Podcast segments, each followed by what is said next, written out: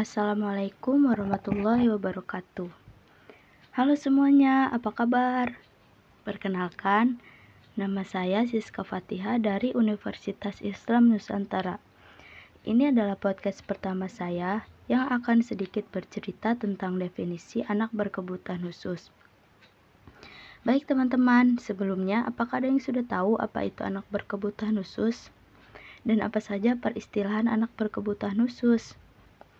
Nah, sesuai tema yang akan saya bawakan kali ini, yaitu pengertian dan definisi anak berkebutuhan khusus. Sebelumnya, kita bahas pemahaman kita bahas pemahaman kepada anak berkebutuhan khusus macam-macam atau pengertian yang mengarah kepada keberadaan anak berkebutuhan khusus sering dikemukakan, apakah melalui tulisan, lisan, dan beredar di kalangan pendidikan maupun masyarakat umum. Walaupun demikian, belum menjadikan pemahaman yang memandai mengenai anak berkebutuhan khusus.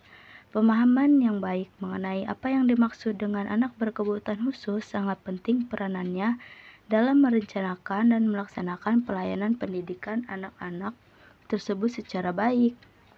Nah, di Indonesia juga istilah mengenai anak berkebutuhan khusus telah banyak berbeda baik dari bahasa Indonesia maupun bahasa Inggris. Istilah-istilah dalam bahasa Indonesia yaitu antara lain sebagai cacat, tuna, berkelainan, luar biasa, dan anak berkebutuhan khusus. Dan adapun e, pengertian cacat yaitu yang paling lama dikenal di Indonesia, kata cacat ini dapat menimbulkan bermacam-macam pengertian yang dapat mempengaruhi bagaimana tanggapan atau pemahaman terhadap anak-anak berkebutuhan khusus. Adapun dalam Kamus Besar Bahasa Indonesia, tersurat bahwa cacat adalah kekurangan yang menyebabkan atau mutunya kurang baik atau yang kurang sempurna yang terdapat pada badan, benda, batin, atau akhlak. Cacat badan seperti bopeng, buta, dan tuli. Dari pernyataan di atas juga dapat kita simpulkan bahwa cacat menggambarkan suatu kejadian atau keadaan yang memiliki perbedaan dalam atau berkekurangan dari yang dianggap normal atau biasa. Karena dianggap kurang, maka mereka juga sering dianggap tidak dapat berkembang walaupun diberi pendidikan. Dan selain itu juga kata rusak maksudnya harus diperbaiki atau diobati supaya menjadi baik. Pada hal ini, jika diteliti dan diperhatikan, Anak cacat tidak semua potensinya memiliki kekurangan dan masih memiliki potensi yang patut dikembangkan juga. Istilah cacat ini juga sering mempengaruhi pandangan masyarakat terhadap perbedaan anak berkebutuhan khusus karena mereka sering dianggap hanya menjadi manusia konsumtif dan mereka dianggap hanya menjadi beban masyarakat Akibatnya, anak-anak ini tidak dilibatkan dalam berkiprah dalam pembangunan, minimal untuk mengaktualisasikan potensinya agar dapat mandiri. Dan selanjutnya itu pengertian anak tuna. Sama halnya dengan anak cacat, kata tuna mempunyai pengertian rusak, luka, kurang, atau tidak memiliki.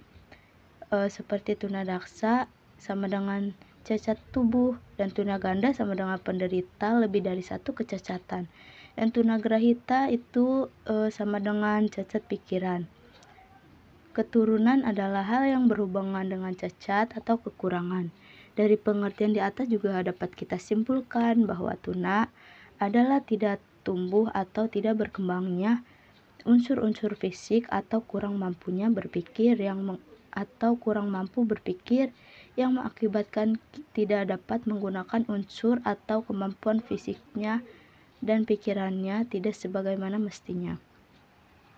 Dan ada juga yang disebut kelainan, yang memiliki arti perbedaan hal atau keadaan yang menyalahi atau menyimpang dari kebiasaan.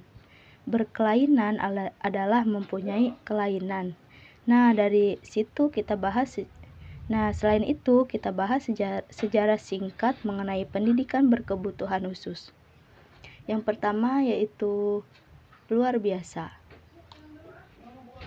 Istilah luar biasa telah dikenal sejak tahun 1960-an dan sampai sekarang juga masih digunakan tetapi masih sama dengan anak berkebutuhan khusus. Hal ini didorong pula oleh Undang-Undang Nomor 2 Tahun 1989 Pasal 8 Ayat 1 tentang Sistem Pendidikan Nasional yang menyebutkan bahwa warga negara yang memiliki kelainan fisik atau mental berhak memperoleh pendidikan luar biasa. Jadi, anak luar biasa itu tidak harus tidak selamanya berkekurangan, mereka juga mereka juga berhak memperoleh pendidikan yang dilakukan secara khusus.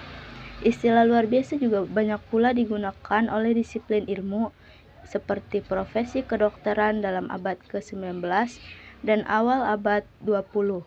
Kelompok ini memusatkan perhatiannya pada ciri-ciri yang unik atau kondisi dari anak tersebut. Ciri-ciri yang dapat membantu mendiagnosa kondisi dan pengobatan. Karena pandangan yang menitik beratkan pada keunikan, maka anak-anak hanya mengenal keluarga, sekolah, atau lingkungan terdekat. Ada juga yang mengartikan luar biasa sebagai menggambarkan anak yang hebat atau luar biasa pintarnya. Dan ada juga yang menyebutkan anak yang khusus. Ada juga yang memandangnya berbeda dengan yang biasa atau normal. Kelompok Misalnya seorang anak yang berambut putih atau biasa disebut albino ya akan dianggap luar biasa jika anak pada umumnya berambut hitam. Secara umum hal itu berbeda tetapi dalam urusan pendidikannya hal luar biasa karena ia tidak membutuhkan program pendidikan khusus. Jadi, anak dianggap luar biasa hanya jika membutuhkan program khusus. Dan adapun Sejarahnya yaitu anak berkebutuhan khusus. Istilah berkebutuhan khusus merupakan istilah yang baru dan dimulai digunakan di Indonesia kira-kira tahun 2000-an. Muncul istilah ini sering adanya perubahan pandangan terhadap keberadaan anak yang membutuhkan layanan pendidikan khusus. Jika istilah anak luar biasa lebih menekankan perhatiannya pada keunikan atau kondisinya, maka anak berkebutuhan khusus lebih menekankan atau memperhatikan kebutuhannya akan pendidikannya agar dapat mengembangkan potensinya secara optimal. Istilah ini membuka wawasan, terutama di kalangan pendidikan, bahwa siapa saja yang mengalami masalah dalam pendidikan tentu akan masuk dalam kelompok berkebutuhan khusus. Nah, permasalahan pendidikan itu apakah disebabkan oleh faktor permanen maupun temporer? Yang pertama itu faktor temporer, if faktor permanen.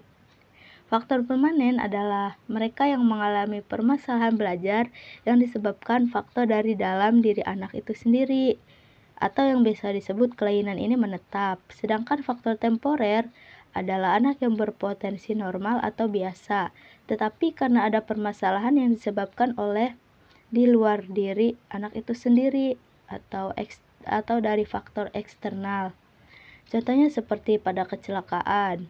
Nah, misalkan anak itu dari kecilnya tidak mengalami eh, kelainan. Nah, sudah besarnya misalkan mengalami misalkan anak itu mengalami kecelakaan dan kecelakaan itu juga menyebabkan anak itu mempunyai kelainan. Nah, yang itu disebut dengan faktor temporer. Dan konsekuensi dari perubahan paradigma membawa perubahan-perubahan dalam merancang dan melaksanakan pendidikan bagi anak berkebutuhan khusus. Seperti tempat pendidikan, anak berkebutuhan khusus tidak saja pada bentuk segregasi, tetapi lebih diarahkan agar anak dapat mengikuti pendidikan di sekolah yang dekat dengan tempat tinggalnya. Kesempatan seperti ini mengarahkan pendidikan pada perwujudan pendidikan in inklusif. Jadi, kesimpulannya adalah pemahaman yang baik mengenai, mengenai apa yang dimaksud anak berkebutuhan khusus sangat penting peranannya dalam merencanakan dan melaksanakan layanan pendidikan anak-anak tersebut secara baik. Istilah-istilah dalam bahasa Indonesia juga ada beberapa yaitu di antaranya cacat, tuna, berkelainan, luar biasa, anak berkebutuhan khusus. Cacat merupakan istilah yang paling lama dikenal di Indonesia. Adapun dalam Kamus Besar Bahasa Indonesia, tersurat bahwa cacat adalah kekurangan yang menyebabkan atau mutunya kurang baik atau yang kurang sempurna. Dari pernyataan di atas juga dapat disimpulkan bahwa cacat menggambarkan suatu keadaan yang memiliki perbedaan dalam atau kekurangan dari yang dianggap normal atau biasa. Jika istilah anak luar biasa lebih menekankan perhatiannya pada keunikan atau kondisinya, maka pada anak berkebutuhan khusus lebih menekankan atau memperhatikan kebutuhan akan pendidikannya agar dapat mengembangkan potensinya secara optimal. Nah, faktor tem faktor permanen adalah yang mereka yang mengalami permasalahan belajar yang disebabkan faktor dari dalam diri anak itu sendiri. Sedangkan faktor temporel adalah anak yang berpotensi normal atau biasa, tetapi karena permasalahan yang disebabkan oleh di luar diri anak itu sendiri. Konsekuensi dari perubahan paradigma mem membawa perubahan-perubahan dalam merancang dan melaksanakan pendidikan bagi anak berkebutuhan khusus seperti tempat pendidikan anak berkebutuhan khusus tidak saja pada bentuk segregasi, tetapi lebih diarahkan agar anak dapat mengikuti pendidikan di sekolah yang dekat dengan tempat tinggalnya. Mungkin hanya itu yang saya dapat pelajari pada podcast kali ini. Mohon maaf jika ada kekurangan, karena ini pertama kalinya saya membuat podcast. Terima kasih. Wassalamualaikum.